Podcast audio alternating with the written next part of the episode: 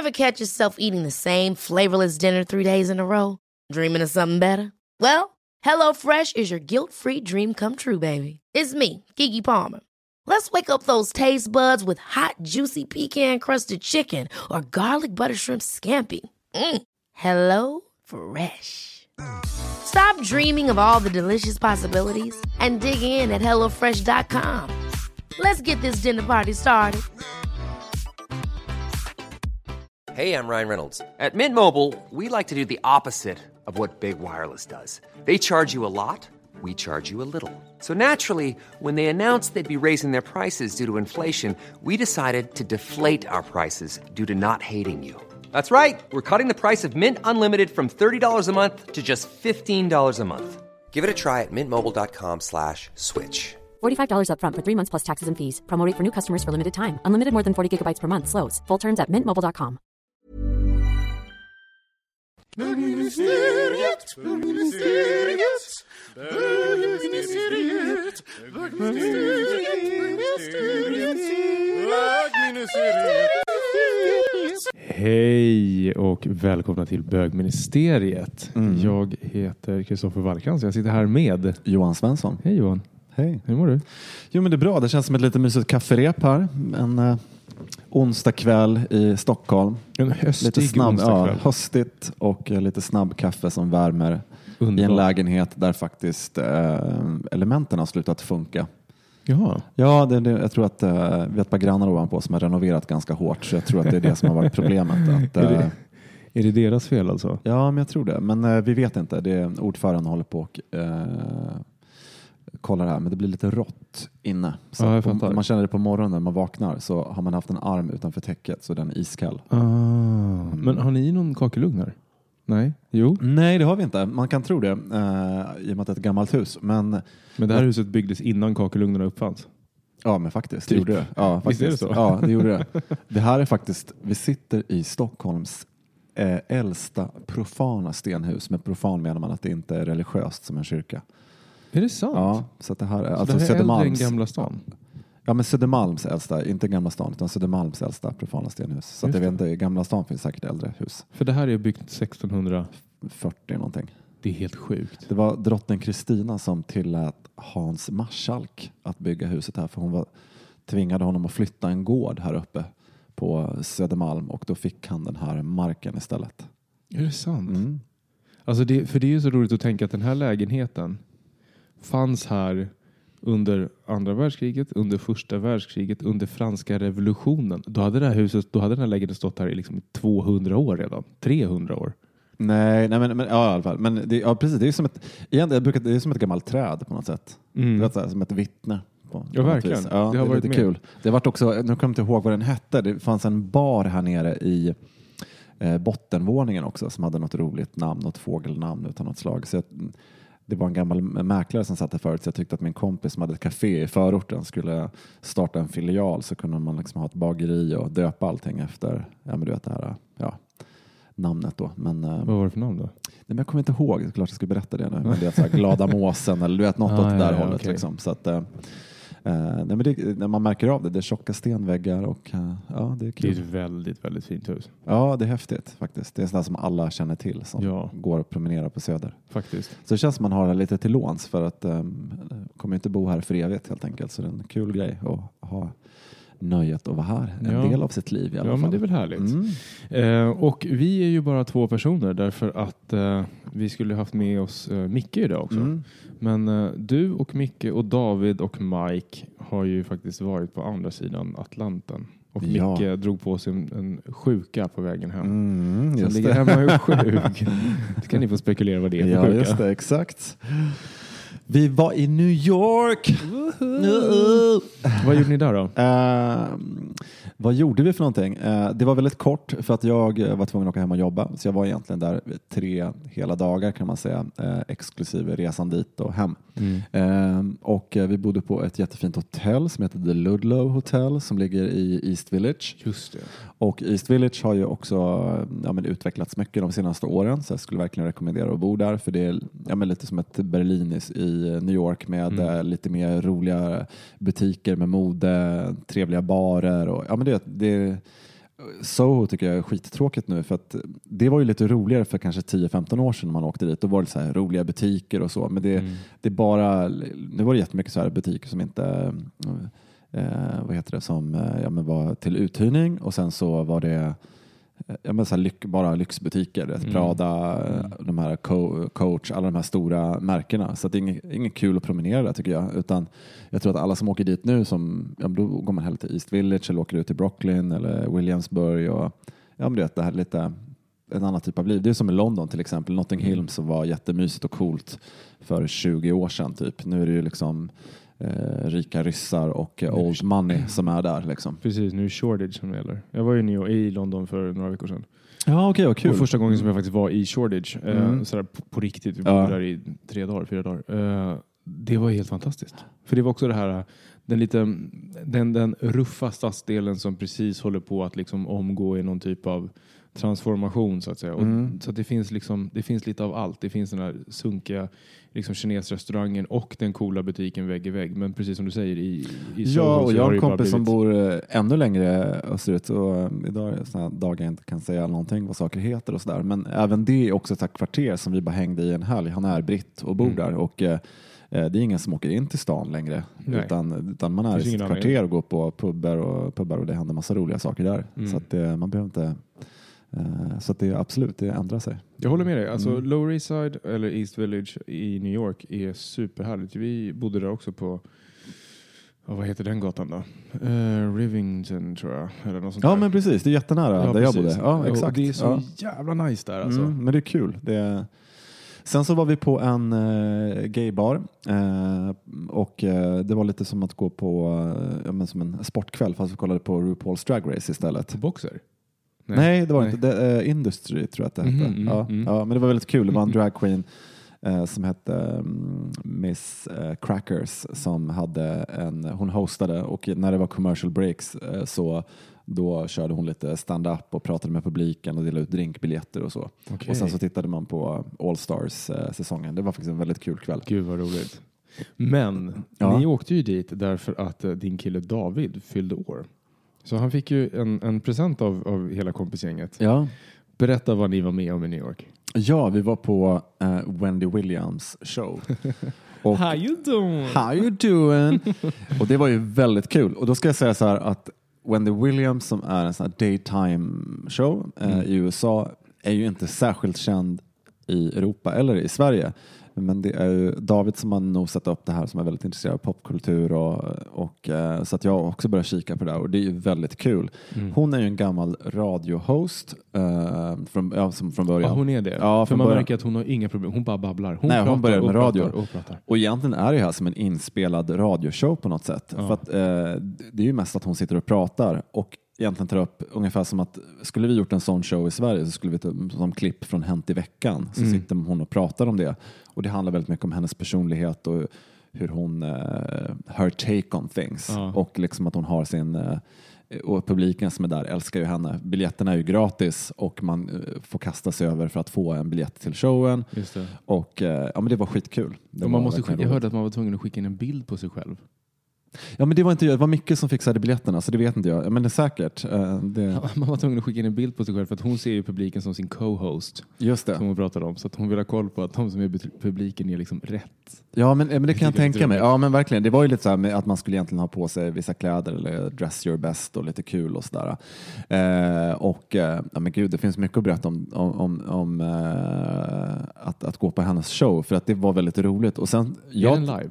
Ja, det är live. Det är live, Ja, det är live. Mm. Det, hon spelar in måndagar till torsdagar, men på torsdagar spelar hon in fredagens avsnitt så får hon väl en lång weekend. Mm. Eh, men det var väldigt kul för att eh, det här tycker jag ändå är man, en kärna i amerikansk kultur. Det här med tv och det här date. Vi har inte riktigt det i Sverige på det sättet. Och hon har ju en stor publik. Eh, och sen att, att gå dit, eh, vi, man fick köa upp, man fick nummer, man gick igenom en säkerhetskontroll.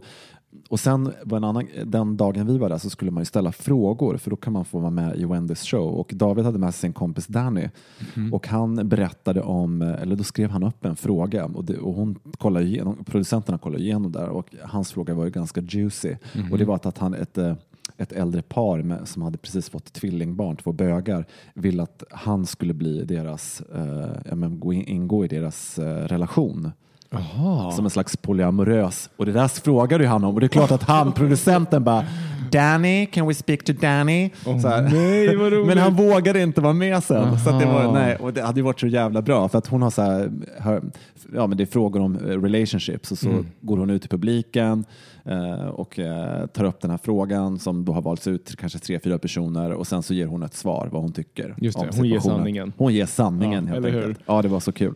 Gud vad roligt. För jag, jag, jag, jag och Jonne vi låg där i söndags och scrollade igenom massa Wendy Williams avsnitt för vi ville försöka se vilket ni var med i. Vi hittade Mm. ju faktiskt avsnittet, när, eller i alla fall ett klipp från det avsnittet. Så vi såg er högt upp där bak som applåderade och körde. Ja. Eh, och jag kunde inte sluta titta på hennes ansikte. Nej, men gud, det är ju Hon ser fascinerande. helt vansinnig Ja, ut. men hon ser ut som hon har liksom panik och struma samtidigt.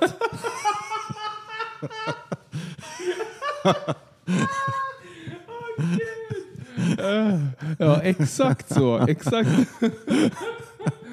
Oh, snälla gå in och titta på Wendy Williams så kommer ni förstå precis vad Johan menar med panik och strömmat.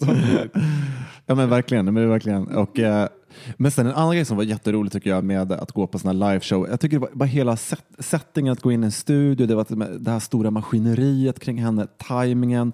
Eh, publiken är jätteviktig för showen för det understryker ju all, allt som hon säger, skönjningar. Så att det finns ju en medproducent som står framme och hjälper publiken att eh, tycka och känna. Det där har jag tänkt på. Ja. För är det så att när man sitter i publiken och så när hon säger någonting så håller de upp en skylt där det säger wow, oh. Alltså ska man, Nej, det är ganska liten publik här och, eh, nej, utan, och eh, när man kommer in så har de en eh, DJ, alltså det var, det, det var liksom ett party i två timmar. Det var en DJ, Mm. det var en MC och du vet så, här, så att det var först en halvtimmes warm-up med hela publiken för att vi skulle vara så här igång och sen när hon kommer in var helt galna över att hon gör entré och eh, övade in jättemycket olika saker. Så det var ganska så ansträngande då att vara med för att man var tvungen att liksom, ja, men vet, eh, följa den här producenten och applådera och, och följa hennes mimik och skratta. Mm. För att man klipper in folk hela tiden då i, i, i bild. Så att, eh, Man ser ju väldigt många sådär, eh, afroamerikanska äldre kvinnor som sitter Ja. och skakar på huvudet. Bara, mm, Ja, just det. Ja, men exakt. mm, mm, Och de är ju redan, yes. många som kommer dit är ju redo för det där också. Ja. Så att alla liksom har liksom övat in och det var lite kul. Jag satt bredvid någon, en svart kvinna som bara, mm, mm, så här, vi tittade på varandra. Mm. Liksom, för maybe we were caught on camera så skulle vi vara verkligen engagerade i vad som händer. Ja, men det var jätteroligt. Och sen, jag och Danny, vi blev också utvalda i början för vi var ju väldigt entusiastiska. Eh, Så att eh, helt plötsligt ja, men på warm-up så kallades vi upp tillsammans med några andra eh, svarta brudar på, liksom på scen, vad ska man, studiogolvet framför publiken och så blev det en så här danstävling. Är där det vi sant? Ja, typ skulle twerka och dansa sexigt. Men gud, jag dör. Finns det video på det här?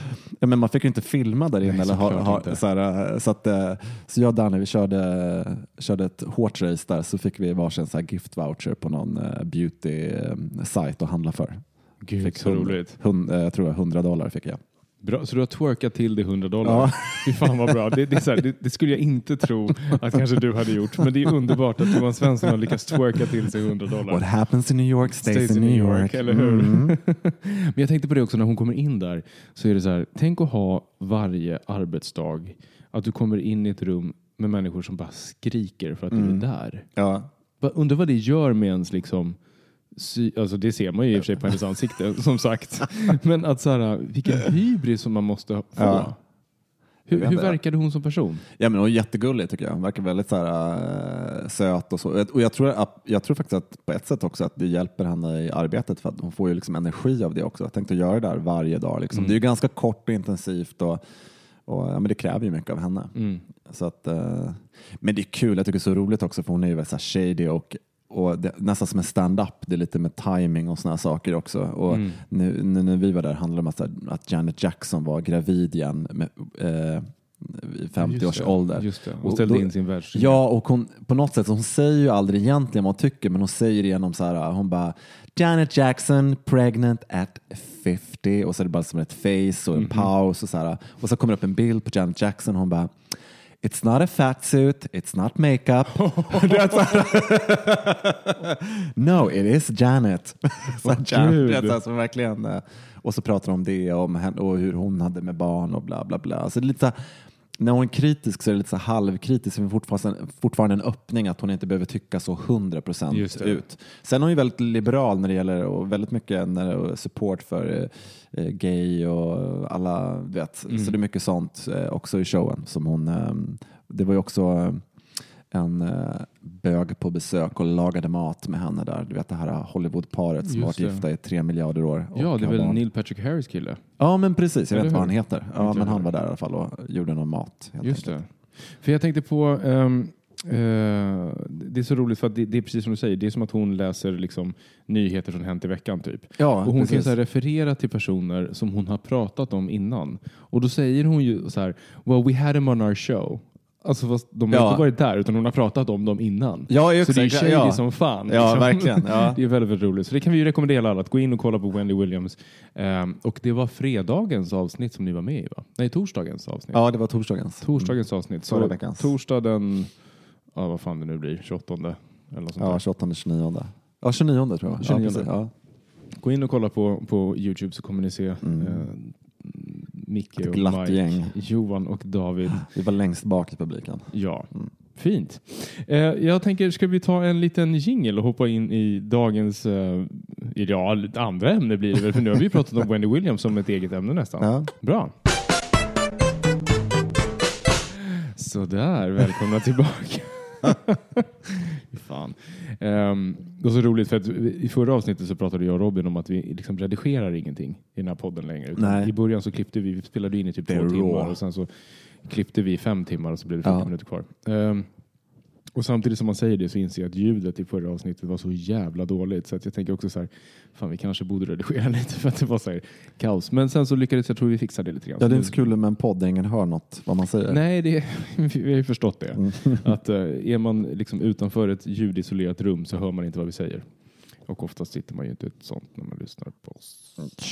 Men, Ja. vet du vad jag tänkte prata med dig om Johan. Nej? Jag, jag promenerade hit från mitt jobb som ligger på Hötorget. Mhm. Och då gick jag ju förbi uh, Åhléns city här i Stockholm. Oh my god, I know what you mean. You know what I mean. Yeah. Det är nämligen så här för er som inte bor i Stockholm och kanske inte läser branschpress, vilket det mest har varit där det diskuteras kanske. Men Åhléns city har ju då ett jättestort skyltfönster som går runt kvarteret kan man säga. Ehm, där du, Johan, har varit med och skapat detta eh, fantastiska, denna fantastiska display. Ja, men precis. Just det, jag har gjort fönstren till eh, Åhléns City och det är, eh, de har ju en kampanj nu, en höstkampanj som heter Bryt klädmaktsordningen. Och eh, då hörde Åhléns av sig, men liksom mer specifikt till mig för att de ville att jag skulle göra skyltfönstren och då eh, var mitt uppdrag att förstås göra skyltfönster till ett varuhus som ska göra att man ska tycka att det är kul att se och man ska känna lust. Det, det, ska, det är mycket man ska kommunicera med ett par fönster, det är inte bara en idé utan man ska ju känna att jag vill gå in på varuhuset. Det känns, känns härligt och kul. Så att jag gjorde det ganska minimalistiskt och, eh, på ett sätt också. Eh, så det, men så tolkade jag eh, det här, deras kampanjidéer eh, idéer egentligen som klädmaktsordningen så fick jag liksom göra någonting eget utav det. Och det jag gjorde kort och gott var att jag gjorde mm, ungefär som såna gamla flip-flap-böcker, jag vet inte vad det heter på svenska, men när man byter över underkroppar på, ehm, på folk eh, för, och så blir det roliga kombinationer. Och idén med det var ju mer att jag, att jag tänkte att eh, det blir inte lika uttänkt och dömande för att, eh, att om man ska göra saker som blir oväntade så kan man ju säga att det är slumpens mekanism som ligger bakom hur kroppar kombineras. Så man kan inte säga att det där är ett, ett valt uttryck eh, vad som blir manligt och kvinnligt över under, under kroppen. För att det som Åhléns vill kommunicera är ju att byta, så här, bryta stereotypa eh, sätt att klä sig. Exakt, och det är det som har varit lite, det har nämligen blivit en, en liten debatt kring den här, kring den här eh, kampanjen. Ja, men gud, jag läste faktiskt igår när jag kom, alltså jag har ju varit borta nu, eh, men jag läste ju igår också. Jag läste lite olika krönikor om det där också. Men berätta vad... Ja, alltså kampanjen i grunden går ju ut på att eh, man egentligen visar eh, pro, olika profiler eh, som är mer eller mindre kända i olika sammanhang. Eh, lite medieprofiler och lite så här, eh, åsiktsprofiler som Ja. krönikörer och sånt där. Ehm, där män klär sig i, jag skulle inte säga att det är kvinnokläder, men man klär dem på ett eh, feminint sätt. Så- Ja, kanske ett Och- och- kvinnligt, kvinnligare sätt. Kvinnligare sätt och det är Ja. stora rosetter och det är kanske någon, någon kjol och lite sånt där. Och, och kvinnorna gör man tvärtom med. Så att Mm. man liksom vrider upp och ner på det som är det förväntade. Så att. Ja, just det. Och det möttes ju av ehm, väldigt blandade reaktioner kan man ju säga. Ja, men precis, verkligen. Där den första, det första som jag hörde var hur fantastiskt det var och hur liksom coolt att ändå en sån stor aktör som Åhléns gör Mm. en sån här sak. Och sen så ehm, naturligtvis på deras Instagram så ser man i flödet kommentarerna om det är massa homofobi och det är väldigt mycket sånt där som liksom rasar ur gamla sura människor ute i landet. Mm. Eh, men då tänkte jag på så här, i, i den tolkningen som du gjorde, Mm. tog du hänsyn till de tankarna? Dök de upp hos dig också när du blev liksom presenterad för själva konceptet? Ja, alltså jag visste ju inte vad jag skulle hitta på och göra för någonting. Eh, när jag lyssnade på konceptet första gången, för man läser ju en brief och lyssnar på vad de har gjort i övrigt och, så, och då var kampanjbilderna dessutom färdiga så att jag hade ju sett dem. Det jag skulle göra var ju någonting helt separat egentligen. Eh, eh, så att jag skulle ju inte på något sätt imitera eller liksom eh, eller förstärka det, eller, utan det skulle vara liksom utifrån det, men, men samtidigt ge en association eh, på något sätt. Och det tycker jag på ett sätt att jag lyckades med. Eh, att, man, att man tänker att eh, när man går förbi och tittar på de här figurerna liksom i, i fönstren så skrattar man till lite grann. Det är en, en herre som håller ett paket och har kostym på sig och, eh, över delen och sen helt plötsligt han- blir det en kort kjol och tights och pumps. Eh, men just att med den här flip-flap-tekniken så blir det som sagt att då tar man bort lite teorin på något sätt, utan det blir bara en, av en händelse. Eh, jag kan tycka att, det, eh, för att jag kan tycka att det där är lite klurigt. Speciellt, det som jag tyckte var lite klurigt var att de hittade på ett eget ord, eh, klädmaktsordning, eh, som egentligen är en förvridning av könsmaktsordning. Eh, och då kan man, det kanske var så att man tog det liksom ett steg längre, att liksom teoriapparaten var lite för mycket. Sen vet jag, jag har inte varit med alls på den där produktionen, men jag vet ju som gör jättemycket modereklam, eller man ska säga, kalla det för reklam, med, mo, med reklam för mode och kläder och så, så vet jag att även om du, när du, när du gör saker som där kommunikationen är eh, man vet att man gör ett trendbrott på något sätt eller bryter mot någonting så vet jag också att, att det är oftast ganska stora gruppdiskussioner, hierarkier, vad folk tycker i ett företag etc. etc. Så att eh, eh, det kan säkert varit mycket på vägen där som har eh, du vet, liksom kanske slätats ut eller du vet, jag vet hur, precis hur det där funkar. Att det är liksom det är svårt att göra det här liksom spetsiga fullt ut när det liksom alltid är en grupp som i slutändan Ja, men det är ju så. För att alltid när man har liksom ett koncept som, som ska tvättas igenom en hel organisation så blir Ja, det ju exakt. liksom nerfilat. Ja, det, men det blir lite det åt det hållet. Men jag tycker intentionen är väldigt god och eh, jag tycker inte man kan klandra att när det inte blir så helt perfekt utfört. Liksom. Det, det tycker inte jag är för jag tycker inte att det var det själv heller riktigt. Så här. Det är min egen personliga åsikt. Så att säga. Och det kan jag ju säga med att jag inte var inblandad i kampanjen på det sättet. Men, eh, men jag kan tycka, jag läst nu lite olika krönikor och läst även på Facebook och sådär. Så kan jag känna ibland också att eh, att vissa liksom, jag vet inte varför det går så hårt åt folk på något sätt. Vissa blir liksom, det blir lite så här nästan pinsamt att kritiken blir så hård och tuff när det är så mycket annat som sker inom reklamvärlden eh, som jag tycker är värre på något sätt. Här är ju ändå ett initiativ att försöka göra någonting. Eh, och jag, jag har liksom jobbat... det blir ju attackerat från båda håll. Ja men Det, precis, det, som är blir lite det, blir på något sätt. Dels från, från eh, liksom, vad ska man säga, ehm, traditionalister som Ja, tycker exakt. Att, det är, Ja. att det är trams och att det liksom inte hör hemma på en sån etablerad plats som Åhléns. Och så de som, som slår, slåss för liksom, eh, jämställdhet som, som tycker att det blir feltolkat på andra hållet. Liksom. Ja, e- exakt. Men det, det förvånade mig lite vissa att, att, att det blev, eh, jag menar att det, att det blev så viktigt. Jag vet inte. För jag tycker på något sätt så att jag tycker mer att, att det är mesigt, inte att det är fel. Förstår du vad jag menar? Det är det som jag kan tycka. Och då kan jag tycka att eh, skillnaden om någon hade liksom trampat i klaveret på något annat sätt. Men jag kan tycka att eh, intentionen är god och, eh, ehm, och att det är början till någonting. Eh, men det är alltid svårt när man gör det här för det finns ju ehm, hur många teoriapparater som helst och till och med jag, jag, jag menar, jag sitter och lyssnar på ett, en, en brief och, och känner även jag som yrkesperson, jag kan jättemycket om queer-teori och kunde se jättemycket bristfälliga saker i så fall. Eller inte bristfälliga, men kanske andra vinklar som fattades. Men jag förstår att man kan inte få med allt det. Så det var, liksom- jag tänkte så här, men eh, det här blir väl liksom bra ändå. Jag behöver liksom inte komma in och vara smarty pants. Liksom. S- ja. Jag tänker så här, vi, eh, med det här som utgångspunkt så vet jag så här, vi har pratat lite om, om ditt jobb innan eh, i podden eh, Ja. och om Mårtens skådespelarjobb och Robin Mm. som jobbar på tv och sådär. Men Ja. jag tror att ditt jobb är kanske det som är mest liksom höllt i någon typ av mysteri. Ja, jag att folk ja, inte riktigt precis. vet vad det är för någonting. Kan inte du berätta lite om hur, typ det här jobbet, hur det gick till, hur, vad, vad är din roll i det?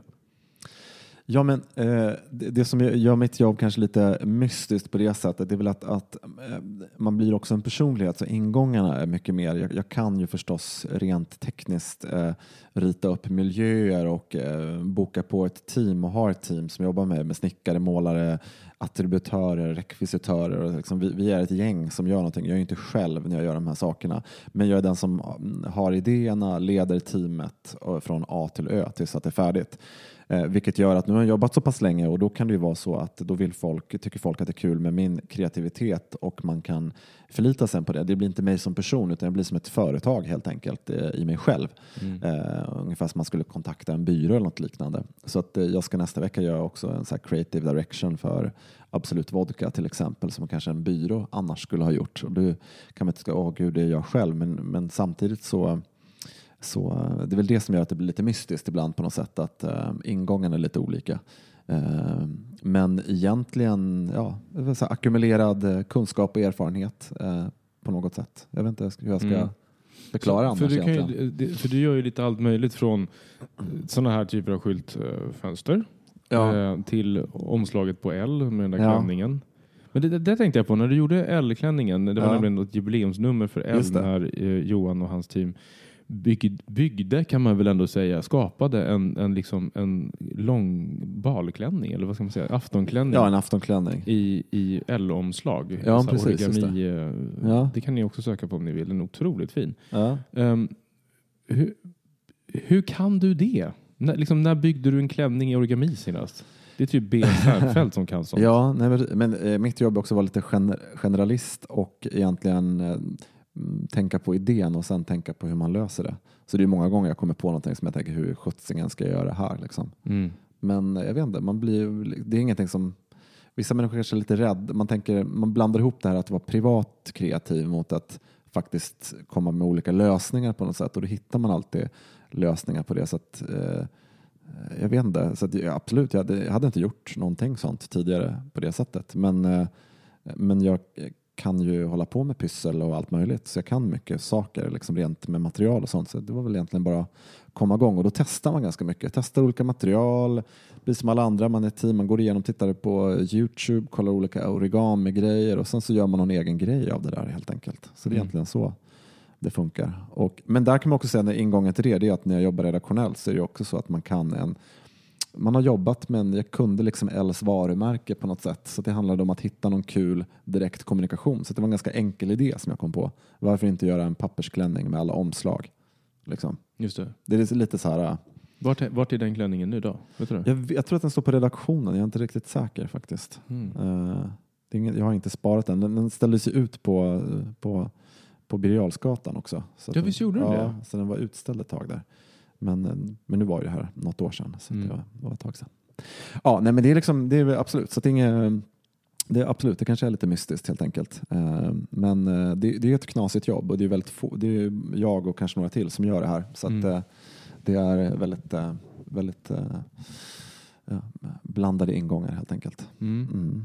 Så om man, har, om man är en bögministeriet lyssnare som har drömmar om att bli eh, setdesigner och, Ja. och göra det du gör. Kan man höra av sig och ha ett körkort så får man vara med som assistent. Precis, exakt, exakt. Det är jättebra. Det är första frågan faktiskt när folk mejlar och vill vara praktikanter och så här. Då frågar ifall man har körkort. Mm.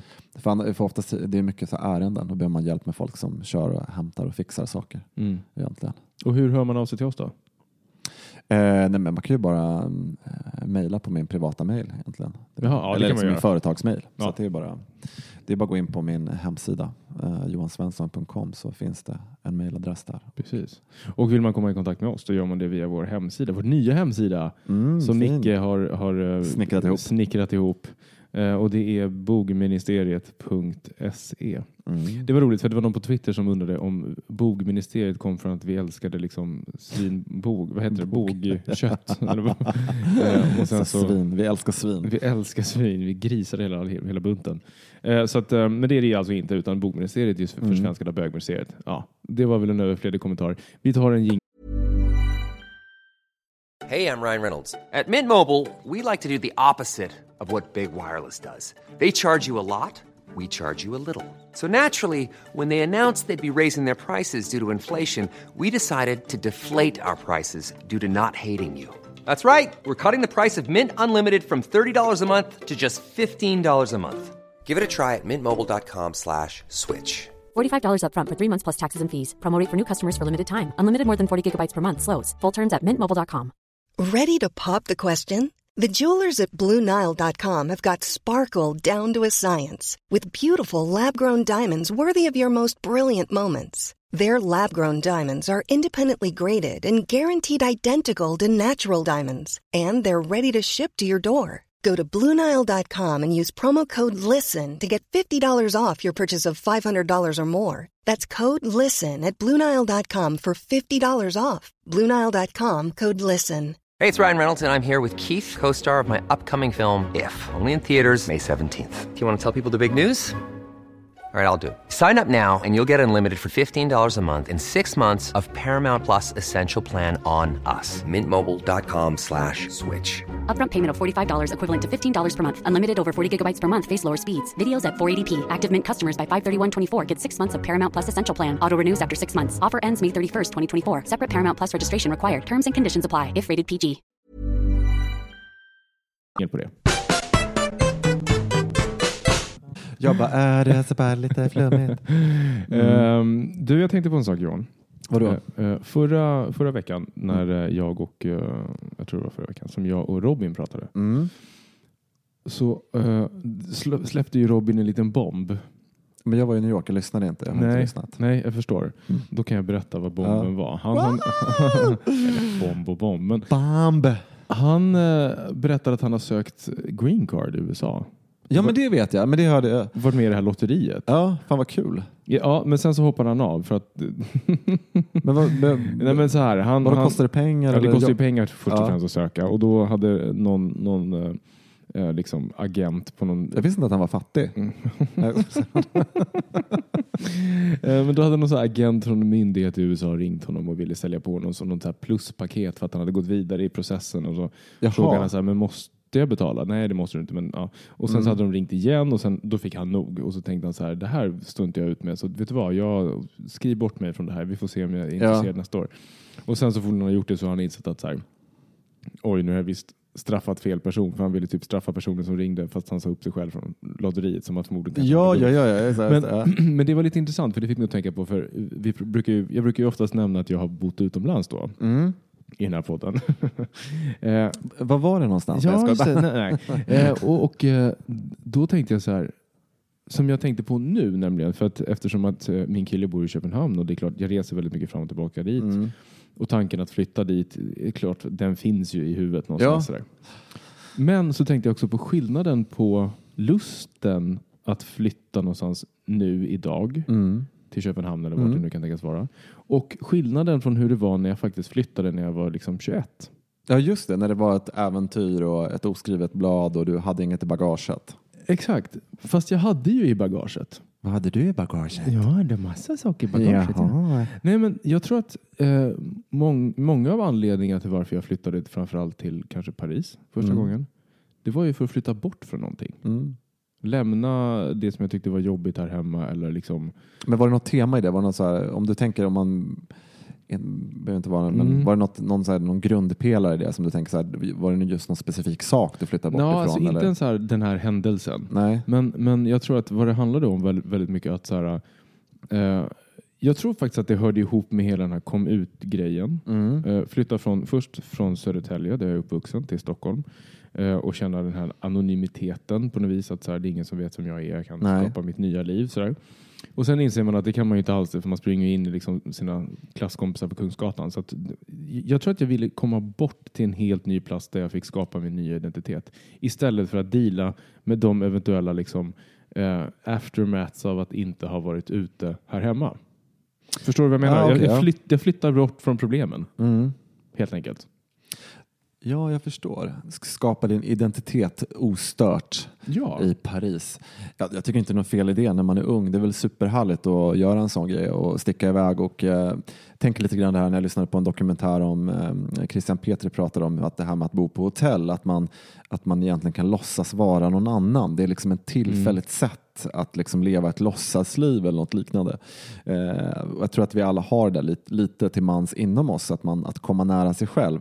Eh, och det kan man ju ha på ett sunt sätt. Mm. Och då räcker det med att bo på ett hotell kanske någon gång då och då. Eller eh, gå på en lång promenad i skogen. Eller jag vet inte. Men jag förstår vad du menar det här med att, att flytta och fly ifrån någonting. Det är ju en fantasi att tro att man kommer någonstans. Och, det är lite grann att bli bekräftad och att tro att man blir sedd på nytt. Och i och med det så ska någonting hända inom mig. Mm.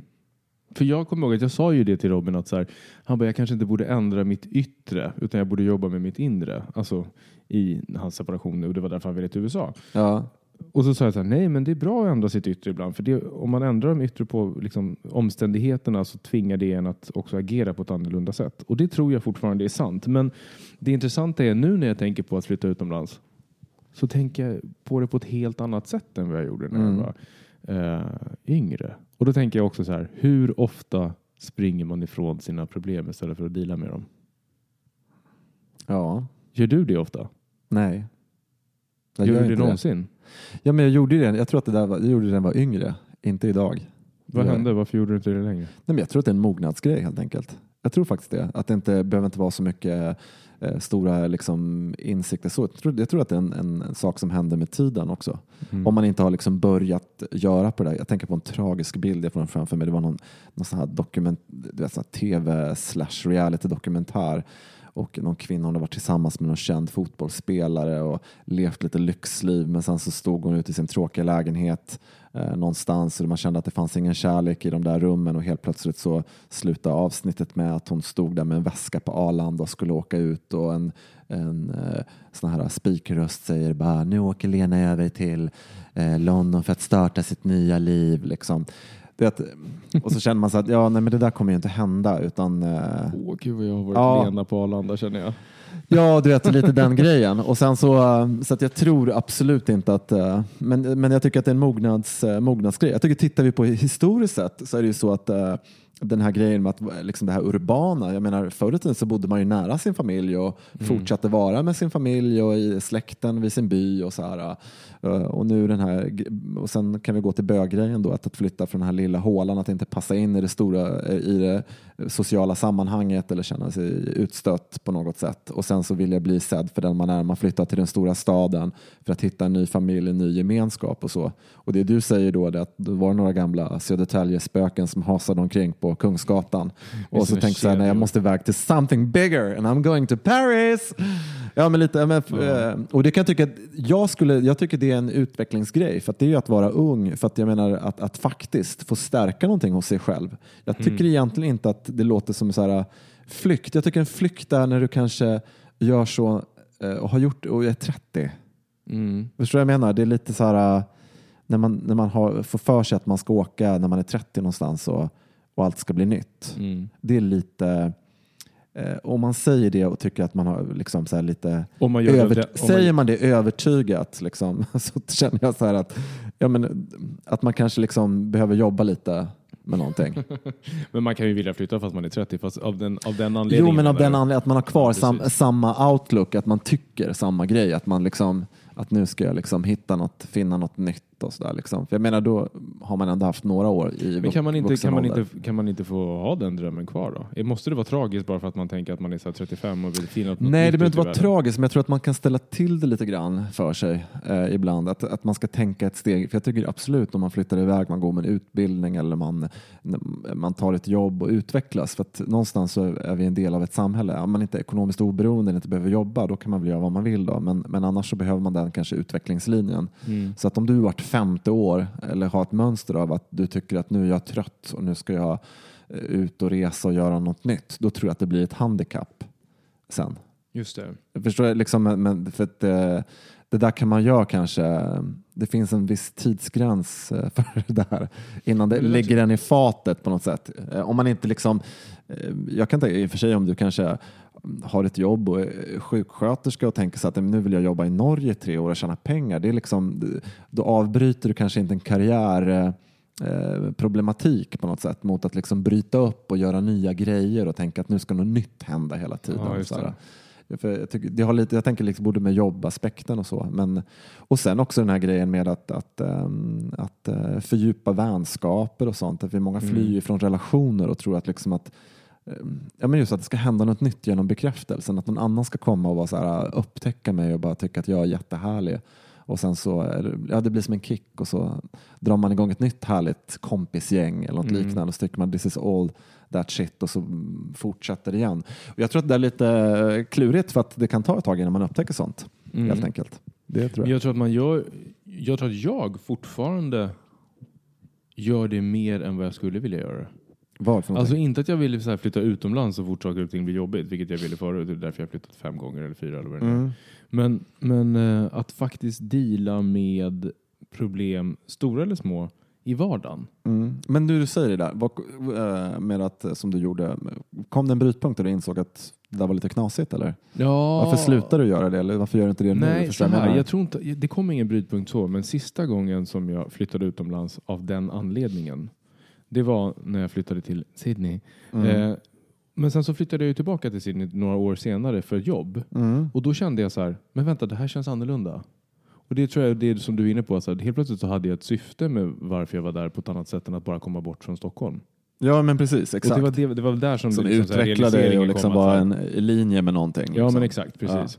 Eh, men jag tror fortfarande att, så här, att, att smita ifrån problem i vardagen tror jag att jag gör och jag tror att många gör det mer än vad man skulle egentligen behöva göra det. Mm. Och du gör inte det så mycket och det är därför jag vill prata med dig om det. Ja, För, att, för jag tänker men vad här, tänker du man skulle smita ifrån? Vad skulle, vad, vad skulle vi smita ifrån som är lite exempel- jobbigt? Till exempel att, att inte ta en diskussion som man bör ta. Mm. Eller att konfrontera ett beteende hos en vän. Eller Mm. liksom den typen. Då väljer man hellre att så här, äh, jag orkar inte. Och använder Mm. det som ett argument. Fast det är ju bara ett argument för att inte utsätta sig själv i den jobbiga situationen. Liksom. Mm. Och det är ju någonstans en typ av flykt också. Alltså Ja. fly bort från relationens, eller lojaliteten till den relationen. För Ja. att man inte orkar ta den diskussionen. Till exempel.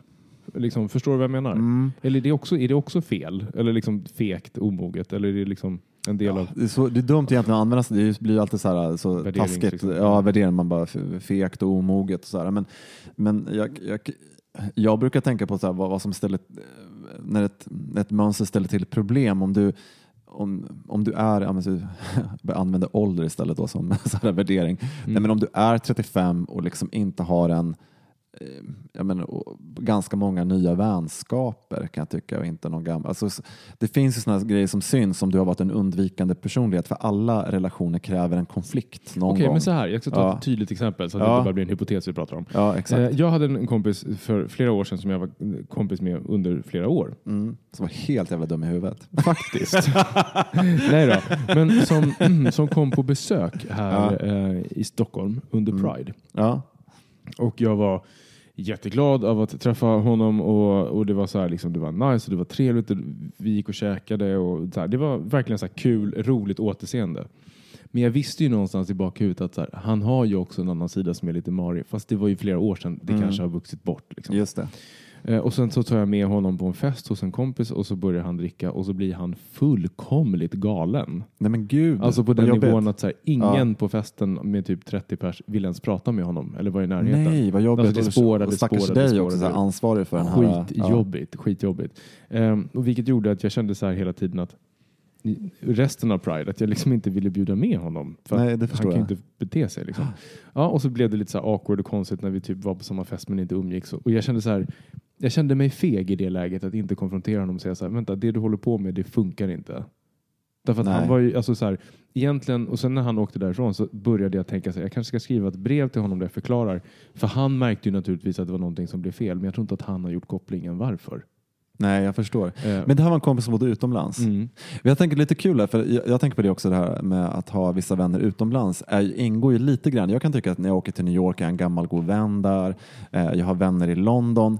Och för mig är ju det den här lilla flykten att, att komma bort eh, kanske en vecka eller en helg. Och, och att man summerar sitt liv, man skrattar, allting är lite enkelt på något Mm, sätt och så. mm. Men jag tänker så här, vissa av de här eh, faktiskt, vi är goda vänner, men inbyggt i den här goda vänskapen är också att distansen, vi har aldrig varit på samma mark. Mm.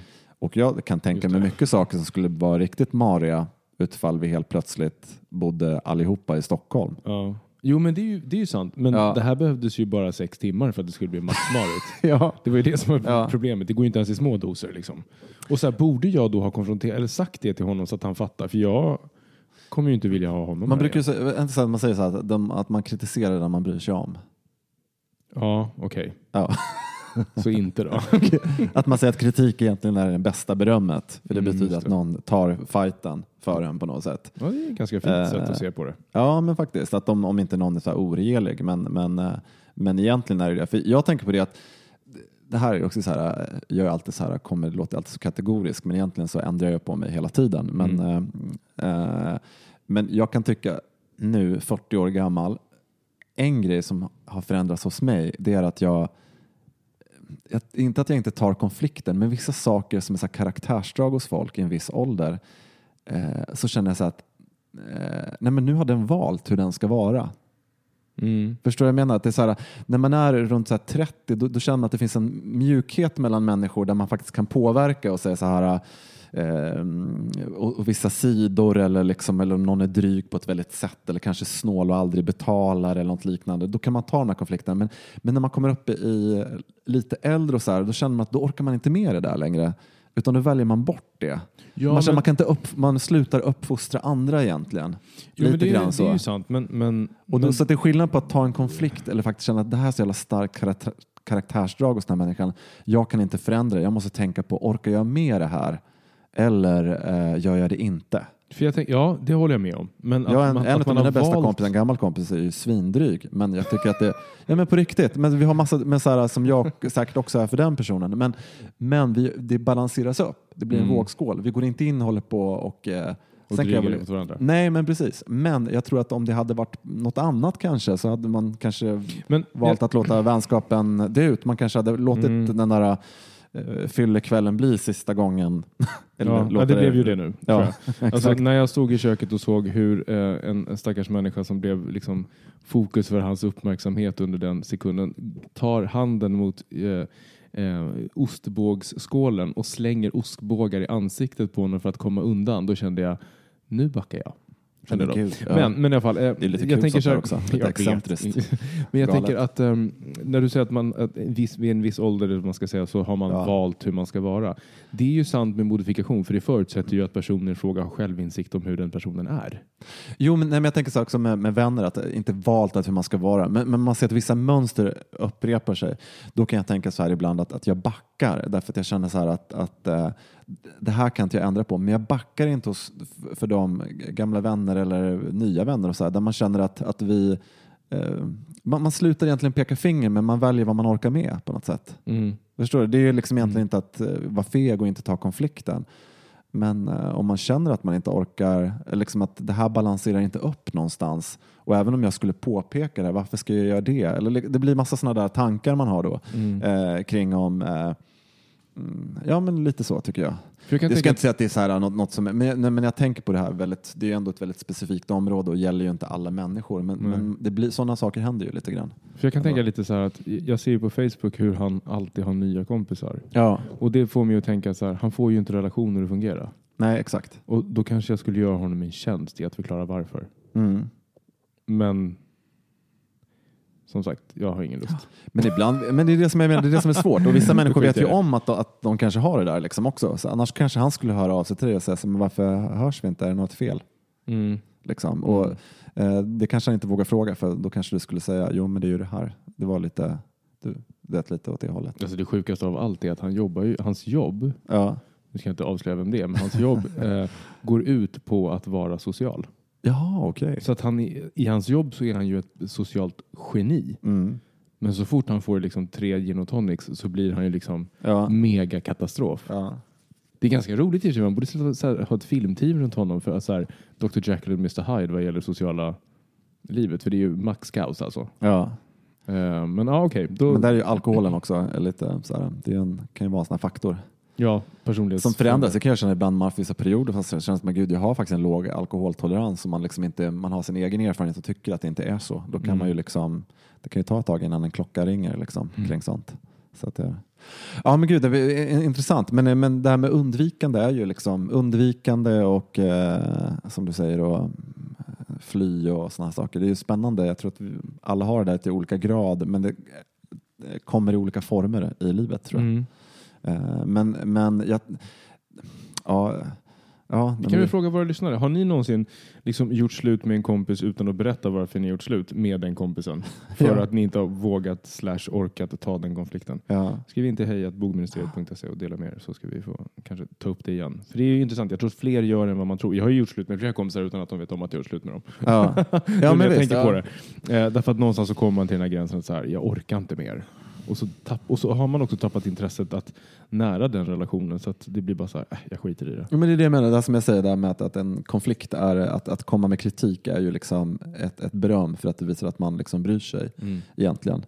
Men, eh, men vissa människor vill ju inte lyssna och sådär och då tar det ju lite slut. Så att det är, det är eh, för, eh, ja, Där tar det slut. där tar det slut. Och där tar det slut för den här veckan också. Mm. Ehm, vad eh, väntar dig här i helgen? Eh, jag ska jobba i min butik tänkte jag själv i, på lördag och söndag. Så det är kul. Ja, Mm. på Bondegatan Bondegatan 7. 7. Fab Lab. Fab Lab. jag älskar hur många gånger vi har pluggat där. Du, du borde nästan bli så här sponsor till den här, Ja. till den här podden. Ja men exakt. Vad härligt. Själv ska jag åka till Köpenhamn igen. Mm, kul. Eh, ja, det är väldigt roligt för det är en, det är en um, queerfilmfestival i Köpenhamn som heter Mix i Köpenhamn. Ehm, som visar massa roliga queerfilmer. Och igår så var min kille och kollade på um, Strike a Pose. Har du sett den? Nej jag har inte gjort det, jag vill se den. Det handlar ju Kul. alltså om Madonnas dansare från Blonde Ambition Tour som var med under den här In Bed with Madonna Mm. och deras liv efter, efter världsturnén. Ja. Där kan vi snacka tragiskt. Fy fan. Alltså jag såg den. Jag såg den i och för sig när jag var väldigt, väldigt bakfull och så här lite kemiskt låg av all sprit. Liksom. Ehm, och då titta på den där, det var liksom inte så bra. Den är väldigt fin liksom, i slutet. Den är, den, är, den är mysig på så sätt, men den är också så här, du vet, de går ifrån det stora livet ute på världsturné med Madonna. Du vet, Mm. Allt är bara så här glitz, glam, glamour. Och det här är liksom tidigt 90-tal så då var det verkligen lyx och så här stjärnstatus. ja, just det. Ehm, blev upplockade liksom från New Yorks så här, eh, ballroom-scen från inga pengar alls till världs liksom, glamour. Och sen och Madonna bara “You're my family and my kids”. Ja. Och sen när det var slut så bara droppade hon dem och ehm, en dog väl i aids, en bor med sin mamma och en annan jobbar på en diner och man kände bara så här “Åh, vad jobbigt”. Ja. Men eh, jag kan rekommendera den för det är en väldigt fin film. Eh, så jag ska ner till Köpenhamn och kolla på lite mer queer-film. Eh, om ni är i Malmö, kom över för att det är avslutningsfest på lördag i Köpenhamn eh, för Mix Copenhagen. Kan ni gå in Gud vad kul, vad Mm. roligt. Väldigt roligt. Och sen så kanske, vem vet, piper vi över till ditt och Davids landställe Ja. och njuter av den skånska Mm. möllan. Möllan. Ja, det blir jättetrevligt. Trevligt. Ja. Hörrni, eh, tack för denna gång så hörs vi igen nästa Mm. vecka. Puss och kram. Puss och kram. Hej!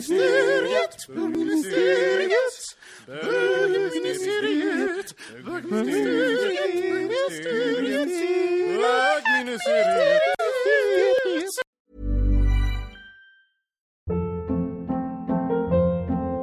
Hold up. What was that? Boring. No flavor. That was as bad as those leftovers you ate all week. Kiki Palmer here, and it's time to say hello to something fresh and guilt-free. Hello Fresh. Jazz up dinner with pecan-crusted chicken or garlic butter shrimp scampi. Now that's music to my mouth. Hello Fresh. Let's get this dinner party started. Discover all the delicious possibilities at hellofresh.com. If you're looking for plump lips that last, you need to know about Juvederm lip fillers. With Juvederm Volbella XC and Juvederm Ultra XC, your lip look, whether it's subtle or bold, can last up to one full year with optimal treatment and no additional maintenance. Find a licensed specialist and see if it's right for you at juvederm.com today. That's J U V E D E R M.com. Add fullness to lips in adults over 21 with Juvederm Volbella XC or Juvederm Ultra XC. Do not use if you have severe allergies or a history of severe allergic reactions, or if you're allergic to lidocaine or the proteins used in Juvederm. Tell your doctor if you have a history of scarring or taking medicines that decrease the body's immune response or that can prolong bleeding. Common side effects include injection site redness, swelling, pain, tenderness, firmness, lumps, bumps, bruising, discoloration, or itching. As with all fillers, there's a rare risk of unintentional injection into a blood vessel, which can cause vision abnormalities, blindness, stroke, temporary scabs, or scarring. For full important safety information, visit juvederm.com.